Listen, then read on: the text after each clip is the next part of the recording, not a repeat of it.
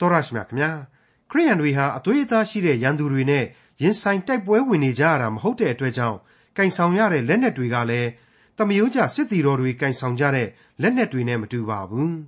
ဒီတမယိုးကြမဟုတ်တဲ့လက်နက်တွေကိုပြင်ဆင်ပေးထားသူကတော့ထာဝရရှင်မြတ်စွာဘုရားသခင် ဖြစ်တော်မူပါတယ်ဘုရားရှင်ပြင်ဆင်ပေးထားတော်မူတဲ့ဒီလက်နက်တွေကိုခရိယန်တိုင်းအသင့်ကင်ဆောင်ထားရမယ်လို့လည်းမိန့်ဆိုတော်မူပါတယ် ဖျားရှင်ပြင်ဆင်ပေးထားတော်မူတဲ့လက်နက်6မျိုးကိုဘယ်ပုံဘယ်နည်းဝစ်ဆင်ပြီးဘယ်လိုဘယ်ပုံကင်ဆောင်တိုက်ခတ်ရမယ်ဆိုတာကိုပါဖော်ပြထားတဲ့ခရိယန်တမန်ကျမ်းဓမ္မသစ်ကျမ်းပိုင်းတွေကဧဖက်ဩဝါဒစာအခန်းကြီး6အခန်းငယ်73ကနေအခန်းငယ်78အထိကိုဒီကနေ့သင်သိရသောတမန်ကျမ်းအစီအစဉ်မှာလေ့လာမှာဖြစ်ပါတယ်။ဘုရားရှင်ပြင်ဆင်ပေးထားတော်မူတဲ့လက်နက်6မျိုးကိုကင်ဆောင်ထားရုံနဲ့မပြီးသေးပဲဆူတောင်းကြရမယ်လို့လည်းဆိုပါတယ်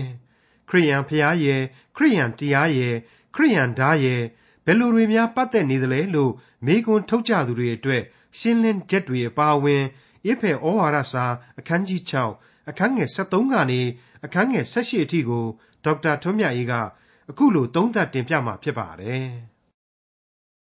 စာရမဏေဆိုတဲ့ဘုရားသခင်ကိုအစဉ်တစိုက်ဆန့်ကျင်ရန်ပြုတ်နေတဲ့ရန်သူရဲ့အပိုင်းအဝိုင်းဟာအင်မတန်အားကောင်းနေကျေပြတ်နေ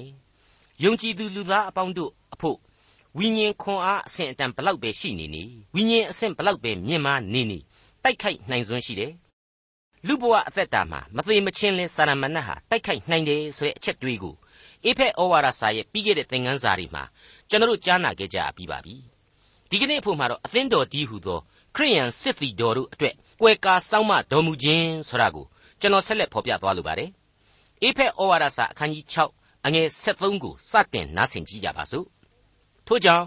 ခဲရင်ဆိုးရုပ်သောနေ့ရဲ့ကာလ၌စီးတားနိုင်သဖြင့်ကိစ္စအလုံးစုံတို့ကိုပြီးစီး၍ခံရနိုင်မည်အကြောင်းဖျားသခင်ပြင်ဆင်တော်မူသောလက်နှင့်စုံကိုယူဆောင်ကြလော့တိုက်ခိုက်ဖို့ထိုးဖောက်ဖို့လက်ဦးမှုရယူပြီးတော့အကျွင့်မဲ့စစ်စင်ရေးကြီးလှုပ်ဖို့ဆိုတဲ့ဝေါ်ဟာရမျိုးတွေမပါဝင်ပါဘူးခံရနိုင်ဖို့တဲ့ဘလောက်ရေးကြည့်လေအဲ့ဒီအချက်ကိုအထူးသတိပြုထားဖို့လိုအပ်လာပါတယ် အဲ့ဒီလိုအသင်းတော်ကိုစစ်တီတော်များအဖြစ်တင်စားခြင်းမပြုခင်မှာတခြားတင်စားခဲ့တဲ့အသင်းတော်ကိုတင်စားထားခဲ့တဲ့အချက်တွေရှိသေးတယ်ဆိုတာကိုဒီနေရာမှာမိษွေတို့သတိပြုမိစေချင်ပါတယ်အဲ့ဒါတွေကတော့နှုတ်ကပတ်တော်ဟာယုံကြည်သူအပေါင်းတို့ကိုဧည့်သည်အာဂန္တုများသို့မဟုတ်ဖျားဘူးများဆိုတဲ့ဝေါ်ဟာရနဲ့လေသုံးဆွဲဖော်ပြခဲ့ပါတယ်အင်္ဂလိပ်လိုကတော့ pilgrims ပေါ့အဲ့ဒီဖျားဘူးများကတော့ကမ္ဘာလောကကြီးတဲ့သူရှောက်သွားနေရသောသူများပဲဖြစ်ပါတယ်နောက်တစ်ချက် ယုံကြည်သူတို့ကိုတင်စားထားတာကတော့နှုတ်ကပတ်တော်ကပဲဆက်လက်ဖော်ပြတဲ့နေရာမှာတက်သေးခံသူများသို့မဟုတ် witnesses ဆိုပြီးတော့သုံးဆွဲထားပါသေးတယ်ဟေဘရဲဩဝါဒစာအခန်းကြီး7အငယ်1နဲ့2မှာကြတော့ကျွန်တော်တို့ယုံကြည်သူတွေကိုအခုလိုတင်စားဖော်ပြထားတာရှိပါတယ်မိษွေတို့နားဆင်ကြည့်ကြပါထို့ကြောင့်ဤမြလောက်များစွာသောတက်သေးအပေါင်းတို့သည်ငါတို့ကိုဝိုင်းရံလျက်ရှိကြသည်ဖြစ်၍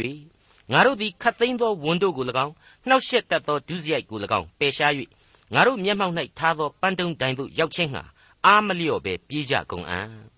ယုံကြည်ခြင်းကိုအစာဦးစီရင်၍စုံလင်စေတော်မူသောသခင်ယေရှုကိုစိတ်စိတ်ထောက်ရှုကြကုန်အံ့ထိုသခင်သည်မိမိရှိ၌ထားသောဝမ်းမြောက်ခြင်းအကြောင်းကြောင့်ရှက်ကြောက်သောအရာကိုမမှတ်ဘဲလက်ဝါးကတ်တိုင်၌ခံပြီးမှဘုရားသခင်ဤပလင်တော်လက်ရဘက်၌ထိုင်နေတော်မူ၏မိတ်ဆွေအပေါင်းတို့ခမညာအခုဖော်ပြတဲ့အချက်တွေကိုထောက်ရှုခြင်းအပြင်ယုံကြည်သူကျွန်တော်တို့မိတ်ဆွေတို့ဟာ လောကခရီးကိုဘုရားသခင်စီတို့သွားရခရီးသည်များအဖြစ်သတ်မှတ်ထားကြရပါလိမ့်မယ်ကိုကိုကိုခံယူနားလည်ထားဖို့လိုပါတယ်တနည်းအားဖြင့်ကတော့ကျွန်တော်တို့ဟာလောကခရီးသွားအာဂန္တုဧည့်သည်များဖြစ်တယ်ပန်းတုံးတိုင်ဖြစ်တဲ့ဘုရားသခင်ရဲ့ကောင်းကင်နိုင်ငံတော်စီကိုခရစ်တော်ကိုစိတ်စိတ်မျှော်ကြည့်ပြီးတော့ပြေးသွားနေကြရတော့သူများဖြစ်ကြရလိမ့်မယ်ဆိုတဲ့အဓိပ္ပာယ်ရှိပါတယ်ကိုကိုကိုအဲ့ဒီအတိုင်းလေတန်ရှင်းမြင့်မြတ်သောစိတ်ထားများနဲ့ခံယူထားဖို့အထူးပဲလိုအပ်လာပါတယ်ဒါပေမဲ့အခုအေဖက်ဩဝါဒစာအရာ ဧည့်သည်များဖြစ်တဲ့ကျွန်တော်တို့ဖျားသခင်ရဲ့တက်သီကံများဖြစ်တဲ့ကျွန်တော်တို့အပေါင်းဟာအဲ့ဒီလိုကိုပန်းတုံးတိုင်ခရီးမှာစာရမဏတ်ရဲ့တိုက်ခိုက်မှုတွေကိုကြုံလာပြီဆိုတဲ့အခါမှာတော့ကိစ္စအလုံးစုံတို့ကိုပြီးစီး၍ခံရနိုင်ကြမည်အကြောင်းဖျားသခင်ပြင်ဆင်ပေးတော်မူသောလက်နှင့်စုံတွေကိုတတ်ဆင်ဖို့လိုအပ်လာပါပြီတနည်းအားဖြင့်ခရစ်တော်ဤစစ်တီများအဖြစ်ပြောင်းလဲသွားရပြီအေဖက်ဩဝါဒစာအခန်းကြီး6အငယ်14နဲ့15 သစ္စာဒီဟုသောခပန်းကိုစီးလျက်ဖြောင့်မတ်ခြင်းပါရမီကြီးဟုသောရင်အုပ်တစားကိုဝတ်ဆင်လျက်ငြိမ်သက်ခြင်းနှင့်ရှင်သောဧဝံဂေလိတရားကိုဟောပြောအံ့သောငါပြင်ဆင်သောအဖြစ်ကြီးဟုသောခြေစွပ်ကိုဆွတ်လျက်ခံရကြလော့မိတ်ဆွေအပေါင်းတို့ခမညာကျွန်တော်ယုံကြည်သူတွေဟာအတိတ်ကာလသင်ခန်းစာတွေအရာဧည့်သည်အာဂန္တုများဖြစ်တယ်ဖျားသခင်ရဲ့ဘုန်းတော်ကိုထင်ရှားစေဖို့ရန်တက်သေးခံသူများဖြစ်တယ်ဖျားသခင်ရဲ့ပန်းတုံးတိုင်ခရီးကိုရှောက်သွားနေရတဲ့ယုံကြည်သူကျွန်တော်ရဲ့အသက်တာတွေဟာ ကျွန်တော်ရဲ့အသက်တာလမ်းခရီးမှာဖျားသခင်ပြင်ဆင်သောလက်နဲ့စုံများနဲ့တကွဖျားသခင်ရဲ့စစ်တီတော်များအဖြစ်ပုံတရံပြောင်းလဲသွားပြီဆိုတာကိုကျွန်တော်ဒီအချက်အားဖြင့်အထူးသတိပြုကြဖို့လိုပါတယ်တစ္ဆာကြီးဟုသောကပန်းကိုစီးလျက်ဖြောင့်မတ်ခြင်းပါရမီကြီးဟုသောရင်အုပ်တစားကိုဝတ်ဆင်လျက်ငြိမ်သက်ခြင်းနှင့်ရှင်သောဧဝံဂေလိတရားကိုဟောပြောအံ့သောငါပြင်ဆင်သောအဖြစ်ကြီးဟုသောခြေစွပ်ကိုစွတ်လျက်ခံရကြလော့တဲ့ကဲအခုလိုခံရကြလော့ဆိုပြီးတော့ရှင်ပေါလုဖော်ပြလိုက်တာဟာ ကျွန်တော်တို့ကိုအာဂန္တုဧည့်သည်တွေအနေနဲ့လည်းမဟုတ်တော့ဘူးသာမန်ခရီးသွားသက်သေခံသူများဘုံတော်ထင်ရှားစေသူများအနေနဲ့လည်းမဟုတ်တော့ဘူးကျွန်တော်တို့ကိုယုံကြည်ခြင်းရဲ့စစ်တီတော်များအဖြစ်စစ်သူကြီးတယောက်ကအမိန့်ပေးလိုက်တဲ့အသံမျိုးဖြစ်နေပြီမဟုတ်ဘူးလားအဲ့ဒီအမိန့်ပေးလိုက်တဲ့အသံအဖြစ်ပြောင်းလဲသွားပြီဆိုတာကိုမိษွေတို့သတိပြုမိနိုင်ကြလိမ့်မယ်ထင်ပါတယ်ဟုတ်ပါတယ်တမန်တော်ကြီးရှင်ပေါလုဟာအတိတ်ကာလတုန်းကလို့တိုက်တွန်းနှိုးဆော်ပါ၏ တနည်းအားဖြင့်မင်းတို့ကိုမေတ္တာများစွာဖြင့်ပန်ကြားပါ၏ဆိုတဲ့အနေအထားကနေပြီးတော့အာမန်ပြင်းထန်စွာနဲ့အမိန့်ချလိုက်တဲ့လေသံမျိုးကိုပြောင်းလဲပစ်လိုက်ပြီလို့ကျွန်တော်တို့တွေ့နိုင်တယ်အငယ်73ကနေ15အတွင်းမှာလက်နဲ့စုံကိုယူဆောင်ရင်အုပ်တစားကိုဝတ်ဆင်ခြေစွပ်ကိုဆွတ်လျက်ခံရကြလောဆိုပြီးတော့အမိန့်ပေးလိုက်တဲ့သဘောတက်ရောက်နေပြီရဲရင်စွာရင်ဆိုင်ကြစီဆိုတဲ့သဘောဒီနေရာမှာတစ္ဆာကပန်းဆိုတာ ਨੇ ပတ်သက်လို့စဉ်းစားစရာရှိပါတယ်အဲ့ဒီတစ္ဆာခါပန်းဆိုတာဟာ ရှေးကာလဝိယုံတို့အပေါ်ကနေပြီးတော့ခါမတဆင့်မြဲမြံစွာပတ်ထားရတဲ့ကပတ်ကိုဆိုလိုခြင်းဖြစ်ပါတယ်ဒီကနေ့ဒီအချိန်မှာလဲကျွန်တော်တို့ဘောင်းမီဝင့်ရင်ကပတ်ပတ်ရတာပဲမဟုတ်ဘူးလားတချို့သိပြီးတော့ပစိုးမနိုင်တဲ့လူတွေဆိုရင်ပစိုးပေါ်ကနေကပတ်ပတ်တာလည်းရှိတယ်ရှင်းရှင်းပြောရရင်တော့အဲ့ဒီသစ္စာကြီးဟူသောကပတ်ပြုတ်ပြီးဆိုရင်တော့ဒုက္ခရောက်ပြီးအရှက်ကွဲပြီအပေါ်ဝတ်ယုံကြီးဖိုးယိုးဖယားနဲ့ဘိုဒီဘတ်တီဖြစ်သွားနိုင်တယ်ဘောင်းမီဝတ်ထားရင်လေဘောင်းမီကြွတ်ကြပြီးတော့ပေါ်ပေါ်လော်လော်တွေဖြစ်ကုန်လိမ့်မယ်မိတ်ဆွေတို့ အဲ့ဒီလိုပုံစံမျိုးကိုကာတွန်းရုပ်ရှင်တွေထဲမှာကျွန်တော်တို့တွေ့ဘူးကြတယ်မဟုတ်ဘူးလားဘောင်းမီကြွတ်ကြပြီဆိုရင်လေဘုံပန်းဘုံပန်းနဲ့လူကထွက်ပြေးရတယ်တွေ့ရခြုံပုတ်မှာဝင်ပြီးတော့ပုံရတဲ့ဘဝကိုရောက်တယ်အေးအခုဟာကတော့ရုပ်ရှင်မဟုတ်တဲ့တကယ်ဘဝလောကရန်စစ်မြေပြင်ကရန်သူစာရန်နဲ့ရင်ဆိုင်ရတဲ့တိုက်ပွဲကြီးဖြစ်တယ်အဲ့ဒီပွဲမျိုးမှာကပတ်ကျွတ်ပြီးတော့ဘောင်းမီကျွတ်ပြီးဆိုရင်တော့ဝိယုံကြီးလန်သွားပြီးဆိုရင်တော့အရှက်လဲကွဲရလိမ့်မယ်အရှုံးလဲပေးလိုက်ရလိမ့်မယ် နောက်တစ်ဆင့်ကတော့ဖြောင့်မတ်ခြင်းပါရမီဒီဟုသောရင်အုပ်တစားကိုဝတ်ဆင်ကြစေဆိုတဲ့အချက်ပါပဲမိတ်ဆွေအပေါင်းတို့ရင်အုပ်တစားရဲ့အောက်မှာနှလုံးသားရှိတဲ့ရင်ပတ်ရှိပါတယ်နှလုံးသားမှာယုံကြည်ခြင်းရှိရင်အဲ့ဒီဖြောင့်မတ်ခြင်းအခွင့်ဆိုတာဟာကျွန်တော်ခံစားရယူဖို့စုကျေးဇူးအဖြစ်ပေါ်လာရပါတယ်အဲ့ဒီဖြောင့်မတ်ခြင်းပါရမီဟာယုံကြည်ခြင်းရှိသူအဖို့ခရစ်တော်သာလျှင်ပေးနိုင်သောစုကျေးဇူးဖြစ်တယ်တနည်းအားဖြင့်ဆိုရရင်တော့ခရစ်တော်အားဖြင့်မိမိတို့ရဲ့ယင်ဘတ်ကိုလုံခြုံအောင်ကာကွယ် ကိုယ်နှလုံးသားကိုအားဖြည့်တင်ထားကြဆိုတဲ့အချက်ပဲဖြစ်ပါတယ်မိတ်ဆွေအပေါင်းတို့ဒီဖြောင့်မတ်ခြင်းတရားရင်အုပ်တစားကိုပါဇက်ကယုံပါတယ်ဆိုတိုင်းတော့မရနိုင်ပါဘူးကိုကိုကိုအပြစ်ရှိခြင်းကိုဝန်ချတောင်းပန်ရလိမ့်မယ်နောင်တနှလုံးသားနဲ့ကြိုးပဲ့ကြေမွာသောစိတ်အစဉ်လည်းရှိဖို့လိုပါလိမ့်မယ်ဒါမှသာလျှင်အဲ့ဒီစိတ်နှလုံးအဲ့ဒီရင်အုံအတွင်းမှာခရစ်တော်ရဲ့ဝိညာဉ်ခွန်အားကိန်းအောင်လာရလိမ့်မယ် နောက်တစ်ခုကတော့ငြိမ်သက်ခြင်းရှိသောဧဝံဂေလိတရားကိုဟောပြောရန်ပြင်ဆင်မှုနဲ့တူညီတဲ့ခြေစွပ်ကိုစွတ်ကြရမယ်ဆိုပြီးဆက်ပြီးတွေ့ရပါတယ်ကျွန်တော်ကတော့ဒီအပိုင်းကိုအမှုတော်ဆောင်စိတ်ဓာတ်လို့ပြောင်းလဲတွေးခေါ်ပြီးတော့ခံယူပါတယ်အဲ့ဒီလိုဧဝံဂေလိအမှုတော်ကိုဆောင်ဖို့ပြင်ဆင်တာဟာခြေစွပ်ကိုစွတ်လိုက်တာပဲဆိုတော့ဝေဖန်သူတယောက်ကနှာခေါင်းရှုံနေမင်းဟာဘာဆိုင်လဲတဲ့ဆိုင်ပါတယ်တချို့ဓမ္မတုတေတီတွေကဒါကိုခရစ်တော်ကြီးဟူသောကြောက်ပေါ်မှာခြေချထားခြင်း ခိုင်မာစွာယက်တီထားခြင်းနဲ့နှိုင်းရှင်တွေးခေါ်ပါတယ်အဲ့ဒီလိုတွေးခေါ်တာတဲ့ကျွန်တော်ကတော့ဘလောက်ပဲကြမ်းတမ်းတဲ့ခရောင်တော်ဘလောက်ပဲထိခိုက်ရှာနာစေတဲ့ဆူလန်းကိုပဲမဆိုးရဲရင်စွာရှောက်လှမ်းနိုင်တဲ့ဖက်နှက်ကိုစီးခြင်းလို့ဆိုကြပါလေအင်္ဂလိပ်ကျမ်းမှာက short with the preparations လို့ဆိုထားတဲ့အတွက်ကြောင့်ရိုးရိုးပိုးခြေစွပ်ကလေးမဟုတ်ဖ ೇನೆ ဖက်နှက်ကိုစီးခြင်းပဲဖြစ်ရပါလိမ့်မယ်အင်မတန်ခိုင်မာတဲ့အမှုတော်ဆောင်ခြင်းဖက်နှက်ပေါ့ဒါကို ကျွန်တော်ကအလေးနဲ့ထားပြီးတော့တွေးခေါ်ရင်းနဲ့အမှုတော်ဆောင်ကြီးတွေဖြစ်ခဲ့တဲ့ဒေါက်တာဂျက်ဆန်ဒေါက်တာရှွိုင်ဇာဆရာကြီးသရာမူလာဆရာကြီးဦးအောင်တင်စတဲ့ပုဂ္ဂိုလ်ကြီးတွေရဲ့အကြောင်းတွေကိုပြန်ပြီးတော့စဉ်းစားမိပါတယ်ဧဝံဂေလိအမှုတော်ကိုဆောင်ဖို့ဆုံးဖြတ်ခဲ့တဲ့ဒီပုဂ္ဂိုလ်ကြီးတွေဟာခယောင်းလမ်းကြီးတွေကိုဖြတ်ခဲ့ကြတယ်မဟုတ်ဘူးလားစူတော်ကြီးတွေကိုလည်းအတင်းတိုးဝင်ခဲ့ကြတယ်မဟုတ်ဘူးလားအဲ့ဒါဟာအမှုတော်ဆောင်စိတ်ဓာတ်ပဲအမှုတော်ဆောင်စိတ်ဓာတ်နဲ့ခြေစွပ်ကိုဆင်မြန်းပြီးတော့ သူတို့ဟာခယောင်းတော်စူလန်းများကိုတိုးဝင်ခဲ့ကြခြင်းပဲဆိုရင်ဘယ်သူမှမငြင်းနိုင်ပါဘူးအေဖက်ဩဝါဒစာအခန်းကြီး6အငယ်16မှ18မာနပြစ်ခတ်သောမိဆက်လက်နက်ကိုကာသတ်နိုင်သောယုံကြည်ခြင်းဒီဟုသောလွှားကိုလေခတ်သိမ်းသောလက်နက်တို့အပေါ်မှာထပ်ဆင်၍ယူဆောင်ကြလော့ကဲတင်ခြင်းဒီဟုသောသံခမောက်လုံးကို၎င်းဖျားသခင်၏နှုတ်ကပတ်ဒီဟုသောဝိညာဉ်တော်၏ဓာကို၎င်းယူကြလော့ကာလအစဉ်စိတ်နှလုံးပါလျက်ဆုတောင်းပတနာပြုခြင်းအမျိုးမျိုးတို့ဖြင့်ဆုတောင်းကြလော့ ထို့သောဆုတောင်းခြင်းဟာအာမလျော့ဘဲလျက်ငါမှစ၍တန်ရှင်းသူအပေါင်းတို့အဖို့ဆုတောင်းလျက်စောင့်ရှောက်ကြလော့အကုန်လုံးကိုဆုပေါင်းပြီးတော့ခြုံငုံတွေးခေါ်လိုက်ရင်တော့၆ဝတ်တစားပါပဲမိษွေအပေါင်းတို့ခမညာဒါတွေကိုတခွန်းတဲ့နဲ့ပြီးပြတ်စေတာကတော့ခရစ်တော်ကိုယူတင်ဝတ်ဆင်ထားရမယ်တန်ရှင်းသောဝိညာဉ်တော်ကိုဆောင်ထားရမယ်ဆိုတဲ့အချက်ဟာရှင်းရှင်းကြီးပေါ်လွင်လာပါတယ်စာရမဏတ်ကိုယ်တိုင်ဟာဘုရားသခင်ကနေပြီးတော့ယုံကြည်သူကိုဘယ်လိုအကာအကွယ်ပေးတော်မူတယ်ဆိုတာကို ဝန်ခံထားတာရှိပါတယ်။ဒါကိုယောဘဝတ္ထုအခန်းကြီး1အငယ်30မှာအခုလိုစာရန်ကိုယ်တိုင်ကဝန်ခံထားခြင်းဖြစ်ပါတယ်။စာရန်ကလည်းယောဘသည်အကျိုးမရဘဲဖျားဝတ်ကိုပြုသလော။ကိုတော်သည်သူ့ကိုမှစ၍သူ့အိမ်နှင့်သူ့ဥစ္စာရှိသမျှပတ်လည်၌စောင်ရမ်းကာတော်မူသည်မဟုတ်လော။သူပြုလေသမျှတို့ကိုကောင်းကြီးပေးတော်မူပြီတဲ့။ဟုတ်ပါတယ်စာရမဏဟာလူသားကိုဘုရားသခင်ကချက်ဝတ်တစားလို့ ကာယံထားရင်သူမထိုးဖောက်နိုင်တာကိုရှင်းရှင်းကြီးသိတယ်။ဒါဟာစာရမဏကိုယ်တိုင်တက်သိခံခဲ့တဲ့ဘုရားသခင်ရဲ့ကာယံတော်မူခြင်း။တနည်းအားဖြင့်ဘုရားသခင်ဆင်မြန်းပေးထားတဲ့ချက်ဝတ်တစားအဲ့ဒါကိုအသေးစိတ်ခွဲပြလေ့လာမယ်ဆိုရင်တော့ယုံကြည်ခြင်းဒီဟုသောလွှာဆိုတဲ့အချက်ပထမဆုံးပေါ်လာပါတယ်အဲ့ဒီလွှားဟာဒီအတိုင်းမြေပေါ်မှာချထားပြီးတော့ရန်သူကပြစ်တော့မှကြပြာကြရာကောက်ပြီးတော့ကားတဲ့သဘောမျိုးမဟုတ်ပါဘူး အခြားသောလက်နက်တို့အပေါ်မှာထိုက်၍ဆင့်၍ထားရမည်ဆိုတာကိုတမန်တော်ကြီးဖော်ပြလိုက်ပါတယ်အဲ့ဒီလွှားဆိုတာဟာရှေးခေတ်တုန်းကရိုးရိုးဒိုင်းလိုအပေါ်ပိုင်းကလေးလုံယုံတင်ဟုတ်ဟန်မတူပါဘူးခန္ဓာကိုယ်တစ်ခုလုံးကိုကာကွယ်နိုင်လောက်တဲ့လေးတောင်တရံအကာအယံကြီးပဲဖြစ်ရပါလိမ့်မယ်နှိုင်းလို့ပြောရကြီးဆိုရင်တော့တကားတစ်ခုလောက်ကိုကျေပြန့်ကြီးမားတယ်လို့ကျွန်တော်ဆိုချင်ပါတယ်ရှင်ယောဟန်ခရစ်ဝင်ကျမ်းအခန်းကြီး30အငယ်6မှာကြည့်လိုက်ရင်ငါသည်တကားဝဖြစ်၏ငါဖြင့်ဝင်သောသူသည် ဘေးနှင့်ကင်းလွတ်လျက်ထွက်ဝင်၍ကျက်စားရာကိုတွေ့ရလိမ့်မည်တဲ့အဲ့ဒီလိုတွေ့ရပါတယ်တနည်းအားဖြင့်ကတော့လုံခြုံခြင်းလွတ်လပ်စွာရှင်သန်နိုင်ခြင်းဆိုတဲ့ကျေးဇူးဂရုဏာတော်တကားပေါက်ကိုအရာရာတို့အပေါ်မှာထပ်ဆင့်၍တင်ထားခြင်းဖြစ်ပါတယ်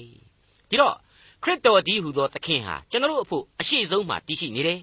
လုံခြုံမှုကိုပေးစွမ်းတယ်ကျက်စားရအရက်ကိုပြသတယ်လွတ်လပ်ခွင့်ပြုတယ်ဆိုတာတွေကိုကျွန်တော်တို့တွေ့ရပြီ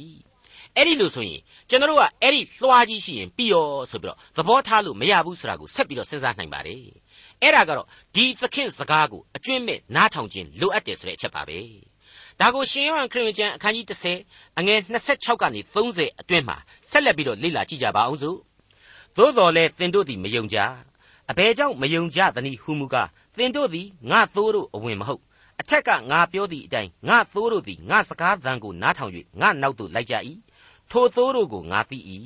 ထာဝရအသက်ကိုလည်းငါပေး၏ထိုသိုးတို့သည်ပျက်စီးခြင်းနှင့်အစင်မပြတ်ကင်းလွတ်ကြလိမ့်မည်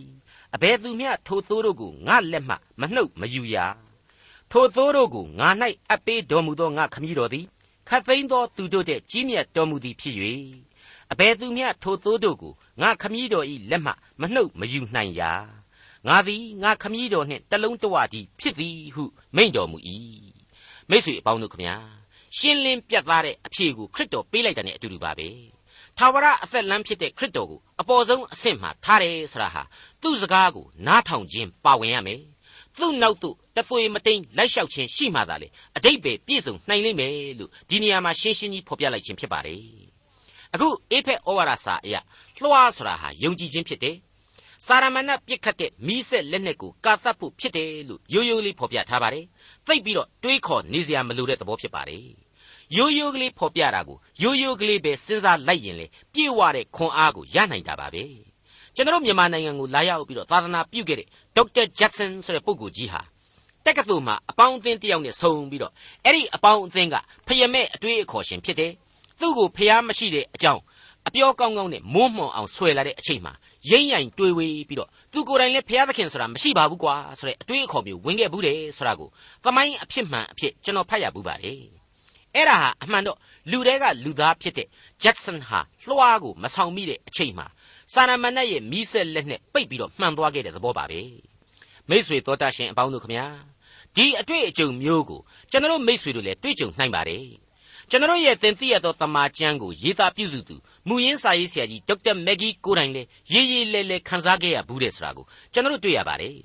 ဗန်တိုက်မှာစရေးကလေးဘဝမှာရှိနေတဲ့အချိန်ဖျားသခင်အမှုတော်ကိုပြောင်းလဲပြီးတော့ငါဖြင့်အမှုတော်ကိုဆောင်တော့မယ်လို့ဆုံးဖြတ်ခါစားမှာစာရမဏတ်ကယာရုကိုတို့ပေးတယ်အဲ့ဒီယာရုကလေးကိုမက်ပြီးတော့သာသနာလောကကိုမသွားပြစ်အောင်ခြေလှမ်းမပြုတ်နိုင်အောင်ကြောက်ချခဲ့တာပါပဲအဲ့ဒီလိုပါပဲ အဲ့ဒီလိုအမှုတော်ဆောင်မယ်လို့ပြင်ဆင်တဲ့အချိန်ကြမှာပဲအဲ့ဒီမြို့ကအကကော်မတီဥက္ကဋ္ဌလုပ်ခဲ့ဘူးတဲ့သူ့ကိုအေယာမညကပွဲကြီးတစ်ခုမှဖိတ်ကြားပြီးတော့အဲ့ဒီညကပွဲနဲ့အရက်ဝိုင်းနဲ့တေးသံတွေနဲ့ပျော်ရွှင်မှုတွေနဲ့သူ့ကိုဆွဲဆောင်ခဲ့ပြန်တယ်ဆိုတာကိုကျွန်တော်တို့သူကိုယ်တိုင်ဝန်ခံခဲ့တာကိုဖတ်ရပါတယ်ဒီလိုဆွဲဆောင်ခဲ့မှုတွေကိုဒေါက်တာမက်ဂီကိုယ်တိုင်ခံခဲ့ရပါတယ် ကိုယ်တိုင်ကလည်းအဲ့ဒီကော်မတီမှာဥက္ကဋ္ဌအဖြစ်နှစ်ပေါင်းများစွာလုပ်ခဲ့ဘူးတော့သူ့ကိုအဲ့ဒီဖိတ်ကြားတဲ့ညစာစားပွဲဒင်နာကြီးမှာမသွားလို့ကလည်းမကောင်းတော့သူသွားပြီးတော့စိတ်လေးလေးလန်လန်နဲ့တက်ရောက်ပြီးတော့ထိုင်နေတဲ့အချိန်မှာ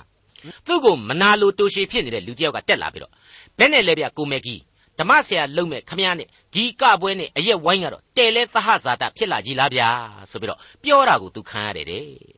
အဲ့ဒီလိုပြောတဲ့အချိန်ကျမှသူဟာဖြတ်ခနဲ့ဒါဟာစာရမဏတ်ရဲ့ဆွဲဆောင်မှုတွေပဲ စာရမဏတ်ကနေပြီးတော့ဒီညစာစားပွဲကြီးကိုငါ့ကိုမရောက်ရောက်အောင်ခေါ်ခဲ့တာပဲအဲ့ဒီလိုငါ့ကိုခေါ်ခဲ့တဲ့ဒီစာရမဏတ်ရဲ့ဝိုင်းကြီးမှာမနာလိုဝန်တိုတဲ့လူကနေတဆင့်ဘုရားသခင်ဟာငါ့ကိုသတိပေးလာတာပဲဖြစ်ရမယ်ဆိုတာကိုသဘောပေါက်ပြီးတော့အဲ့ဒီဟိုတယ်ကပွဲခမ်းမကြီးတဲ့ကနေဖြည်းဖြည်းချင်းဆင်းချလာခဲ့ရတယ်သူ့ကိုထိကဘာရီကဘာလာပြောတဲ့လူကိုတောင် तू ကစိတ်မဆိုးနိုင်ဘူး ဒါဟာဘုရားသခင်ကိုတော်တိုင်ကငါ့ကိုဒီလူကိုအသုံးပြုပြီးတော့သတိပေးတာပဲဆိုပြီးတော့ခံယူချက်နဲ့အဲ့ဒီဟိုတယ်ညစာစားပွဲကြီးကနေ तू ဆင်းချလာခဲ့တယ်မြို့တော်လမ်းမကြီးအတိုင်းအန်ကျိပြီးတော့တယောက်တည်းဒီကအပွဲကိုစွန့်ထွက်လာတာတောင်မှအဝေးကြီးရောက်တဲ့တိုင်အောင်ကပွဲကတေးသံတွေ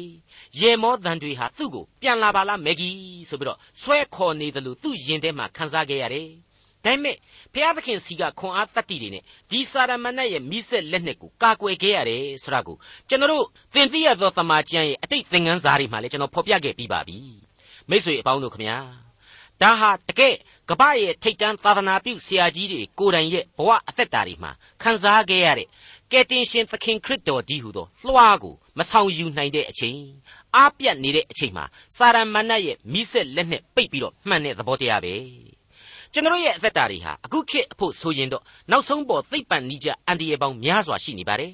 တနတ်တို့အမြောက်တို့ဓာတ်လိုက်တာတို့စက်ကရိယာအန်ဒီယေတို့ကိုကြည့်ကျွန်တော်ကအန်ဒီယေဒီလို့မသတ်မှတ်ရပါဘူးမသတ်မှတ်လိုပါဘူး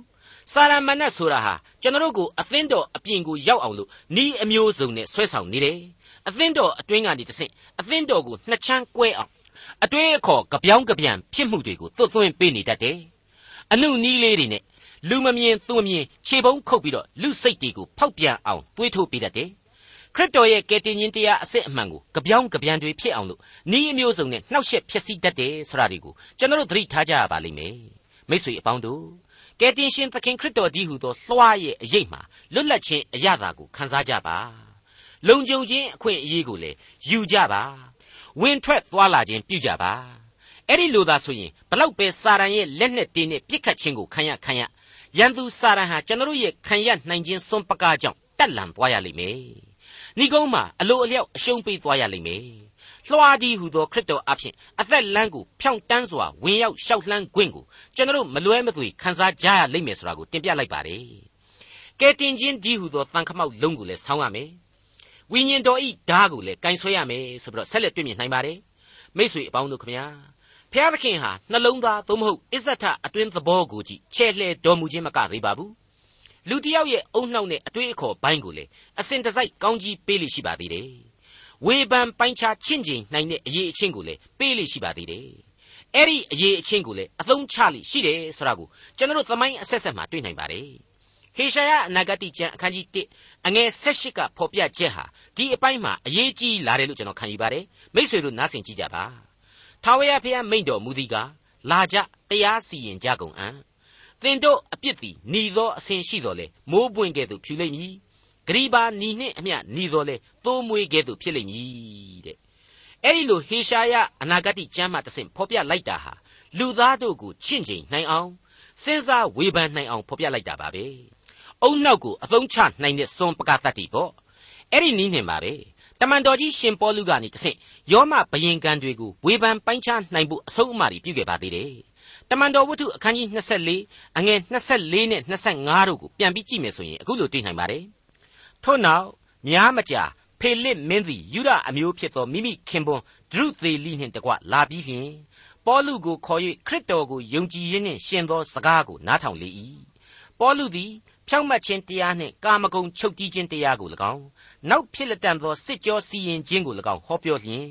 ဖေလစ်မင်းသည်ကြောက်လန့်ခြင်းသို့ရောက်၍ယခုသွားအောင်လော့နောက်မှအစဉ်သင့်သောအခါငါခေါ်အောင်မည်ဟုဆို၏ဒါဟာရှင်ပေါလုအနေနဲ့ဒီဘယင်ကံနဲ့ဘယင်ကံကတော်တို့ရဲ့စင်ကျင်တုံတရားတွေတွေးခေါ်မျှော်မြင်နိုင်မှုတွေကိုသုံးနိုင်ဖို့ရန်အတွက်ဘုရားသခင်အခွင့်ပေးခြင်းနဲ့အညီဒီဘယင်ကံနဲ့ဘယင်ကံကတော်တို့အပေါ်မှာလမ်းဖွင့်ပေးခဲ့တာပဲဆိုတာကိုကျွန်တော်မြင်နိုင်ပါတယ် ဒီဘယင်ကံနဲ့ဘယင်ကံကတော်တို့ကလက်ခံနဲ့မခံဘူးဆိုတာကတော့သူတို့ရဲ့တွေးခေါ်မျှော်မြင်မှုအပေါ်မှာမူတည်တာပေါ့သူတို့ရဲ့အုံနှောက်ကိုအသုံးပြုမှု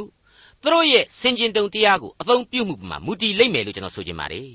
ယောမဩဝါဒစာအခန်းကြီး30အငယ်16မှာဆိုရင်ယုံကြည်ခြင်းသည်ကြားနာခြင်းအပြင်ဖြစ်၏ကြားနာခြင်းသည်လည်းဘုရားသခင်၏စကားတော်အပြင်ဖြစ်၏တဲ့ဒါလည်းလူရဲ့အုံနှောက်နဲ့စဉ်းစားပိုင်းဖြတ်ခြင်းကိုဘုရားသခင်ပြုပြင်နိုင်တယ်ဆိုတဲ့သဘောဖြစ်ပါတယ် တနည်းအားဖြင့်တော့အရာရာမှာဘုရားသခင်အပေါ်မှာယုံကြည်ခြင်းဟာအဓိကဘုရားသခင်ကိုကိုးစားခြင်းချင်းကပ်ခြင်းဆုတောင်းခြင်းအပြင်အသက်ရှင်မှုအထူးပဲလိုအပ်လာပါတယ်မိ쇠အပေါင်းတို့ခမညာဘုရားသခင်အပေါ်မှာယုံကြည်ခြင်းဆိုတာဟာစိတ်ဝိညာဉ်ရဲ့အလင်းကိုခံစားရတဲ့အချိန်မှာဖြစ်ပေါ်လာရတဲ့အရာမျိုးဖြစ်ပါတယ်။ကံကိုယုံပြီးတော့စူးပုံကိုနင်းတဲ့သဘောမျိုးအရှင်းမဟုတ်ပါဘူး။ဒါကြောင့်မလို့ကိုယ့်ရဲ့အုံနှောက်ထဲမှာကိုဟာကဲတင်ခြင်းတရားကိုလက်ခံလိုက်ပြီဆိုရင် ဒါဟာကဲတင်ခြင်းဒီဟုသောသံခမောက်လုံးကိုဆောင်းလိုက်ခြင်းဖြစ်တယ်။အသက်တာရဲ့အခြားအစိတ်အပိုင်းတို့ဟာကဲတင်ခြင်းတရားရဲ့သွန်သင်ညွှန်ပြမှုအတိုင်းပဲဆက်လက်လိုက်နာခြင်းရှိကြလိမ့်မယ်လို့ကျွန်တော်ဆိုချင်ပါတယ်။ကျွန်တော်တို့ကိုအသင်းတော်ရဲ့တိဆောက်ခြင်းအကြောင်းပြီးခဲ့တဲ့ကျမ်းတွေမှာဘုရားသခင်သွန်သင်ပေးခဲ့တဲ့နေရာမှာခရစ်တော်ဒီဟုသောဥကောင်းနဲ့ဆက်နွယ်တဲ့ခန္ဓာတော်ဖြစ်ရလိမ့်မယ်ဆိုတာကိုကျွန်တော်တို့တွေ့ရပြီးပြီခရစ်တော်ဒီဟုသောဥကောင်း၌ရှင်သန်သောလူသစ်ဖြစ်ရလိမ့်မယ်ဆိုတာကိုလည်းကျွန်တော်တို့တွေ့ရပြီးပြီဟုတ်ပါတယ်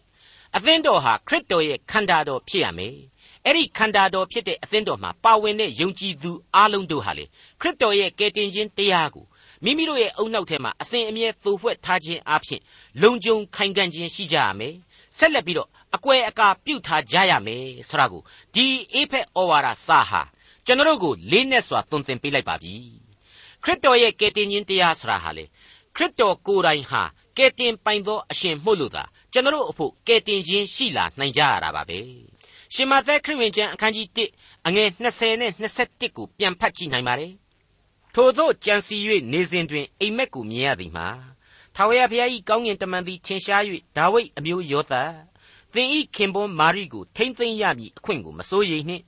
ဤပရိသေသည်တန်ရှင်းသောဝိညာဉ်တော်ကြောင့်ဖြစ်၏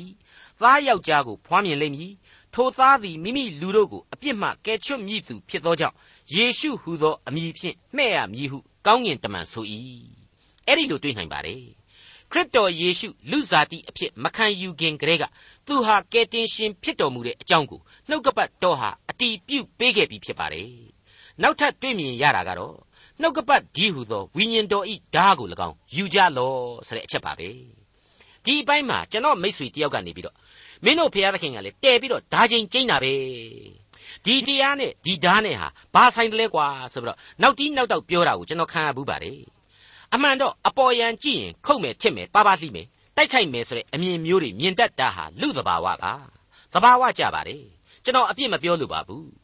နှုတ်ကပတ်တော်ဒီဟုသောဓာရဲ့စွန့်ပကတတ္တိကတော့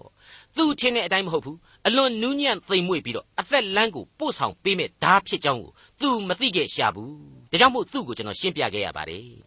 ဟေဘရဲဩဝါဒစာအခန်းကြီး၄အငယ်7နဲ့73ကိုဖတ်ကြည့်ရင်ကျွန်တော်တို့အခုလိုမြင်နိုင်ပါတယ်ဘုရားသခင်ဤနှုတ်ကပတ်တရားတော်သည်အသက်ရှင်ခြင်းတကိုးနှင့်ပြုပြင်ခြင်းတန်လျက်တကာတို့တဲ့ထက်ချင်းနှင့်ပြည့်စုံသည်ဖြစ်၍အသက်နှင့်စိတ်ဝိညာဉ်ကို၎င်းအယိုးအစစ်နှင့်ချင်းစီကို၎င်းပိုင်းခြား၍ထုတ်ချင်းခွင်တတ်၏စိတ်နှလုံးအကြံအစီများကိုလည်းသိမြင်တတ်၏ငါတို့ကိုစစ်ကြောစီရင်တော်မူသောသူရှိ၌မထင်ရှားသောအရာတစ်စုံတစ်ခုမျှမရှိ ခတ်သိမ်းသောအရာတို့သည်အကွယ်အကာမရှိဘဲမျက်မှောက်တော်၌လှန်ထားလျက်ရှိကြ၏တဲ့ရှင်းနေတာပဲမဟုတ်ဘူးလားဒီတော့ကျွန်တော်မိษွေပြောတယ်လို့ဖျားသခင်ရဲ့နှုတ်ကပတ်တော်ဒီဟုသောဓာဟာခုတ်မယ်ထစ်မယ်ပါပါလှီးမယ်ဆိုတဲ့ဓာမဟုတ်ဘူးကျွန်တော်ရဲ့အသက်လမ်းကိုပြုပြင်ပေးတဲ့ဓာကျွန်တော်ရဲ့နှလုံးသားစိတ်အစဉ်ကိုထာဝစဉ်ဥဆောင်မှုပေးတဲ့ဓာပဲဟုတ်ပါတယ်အသက်တာဘဝကာလမှာ လောကရန်မှောင်မိုက်ဆင်းရဲဟာအလွန်ကြီးမားလှပါတယ်နှက်ဆိုင်လှပါတယ်အဲ့ဒီခီးလန်းမှာရှောက်သွားနေရတဲ့ကျွန်တော်ဧည့်သည်အာဂန္တုအပေါင်းတို့ဟာအမှောင်ခွင်း၍အလင်းဆောင်နိုင်ဖို့ရန်အလင်းအိမ်ဖြစ်တယ်လို့ပျက်စီးယိုယွင်းနေတတ်တဲ့သင်္ခါရရုပ်တရက်တီတဲကနေပြီးတော့ဘုရားသခင်ပေးတဲ့အသက်လမ်းပေါ်ကိုကျွန်တော်ဝိညာဉ်များရောက်ရှိနိုင်ဖို့ရန်အတွက်နှုတ်ကပတ်တော်ဟာဓာတက်လက်လို့အစွန်းထက်တဲ့အကြောင်းကိုတင်ပြလိုက်ပါရစေထို့ကြောင့်ခဲရင်ဆိုးရုပ်သောနေ့ရဲ့ကာလ၌စီတာနိုင်သဖြင့် ကိစ္စအလုံးစုံတို့ကိုပြီးစီး၍ခံရနိုင်မည်အကြောင်းဘုရားသခင်ပြင်ဆင်တော်မူသောလက်နှင့်စုံကိုယူဆောင်ကြလော့သစ္စာဒီဟုသောကပန်းကိုစီးလျက်ဖြောင့်မတ်ခြင်းပါရမီဒီဟုသောရင်အုပ်တစားကိုဝတ်ဆင်လျက်ငြိမ်သက်ခြင်းနှင့်ရှင်သောဧဝံဂေလိတရားကိုဟောပြောအံ့သောငါပြင်ဆင်သောအဖြစ်ဒီဟုသောခြေစွပ်ကိုစွတ်လျက်ခံရကြလော့မာနပြစ်ခတ်သောမိဆက်လက်နှက်ကိုကာသတ်နိုင်သောယုံကြည်ခြင်းဒီဟုသောလွှားကိုလေခတ်သိမ်းသောလက်နှက်တို့အပေါ်မှထပ်ဆင့်၍ယူဆောင်ကြလော့ ကဲတင်ခြင်းဒီဟုသောသံခမောက်လုံးကို၎င်းဖျားသခင်ဤနှုတ်ကပတ်ဒီဟုသောဝိညာဉ်တော်ဤဓားကို၎င်းယူကြလော့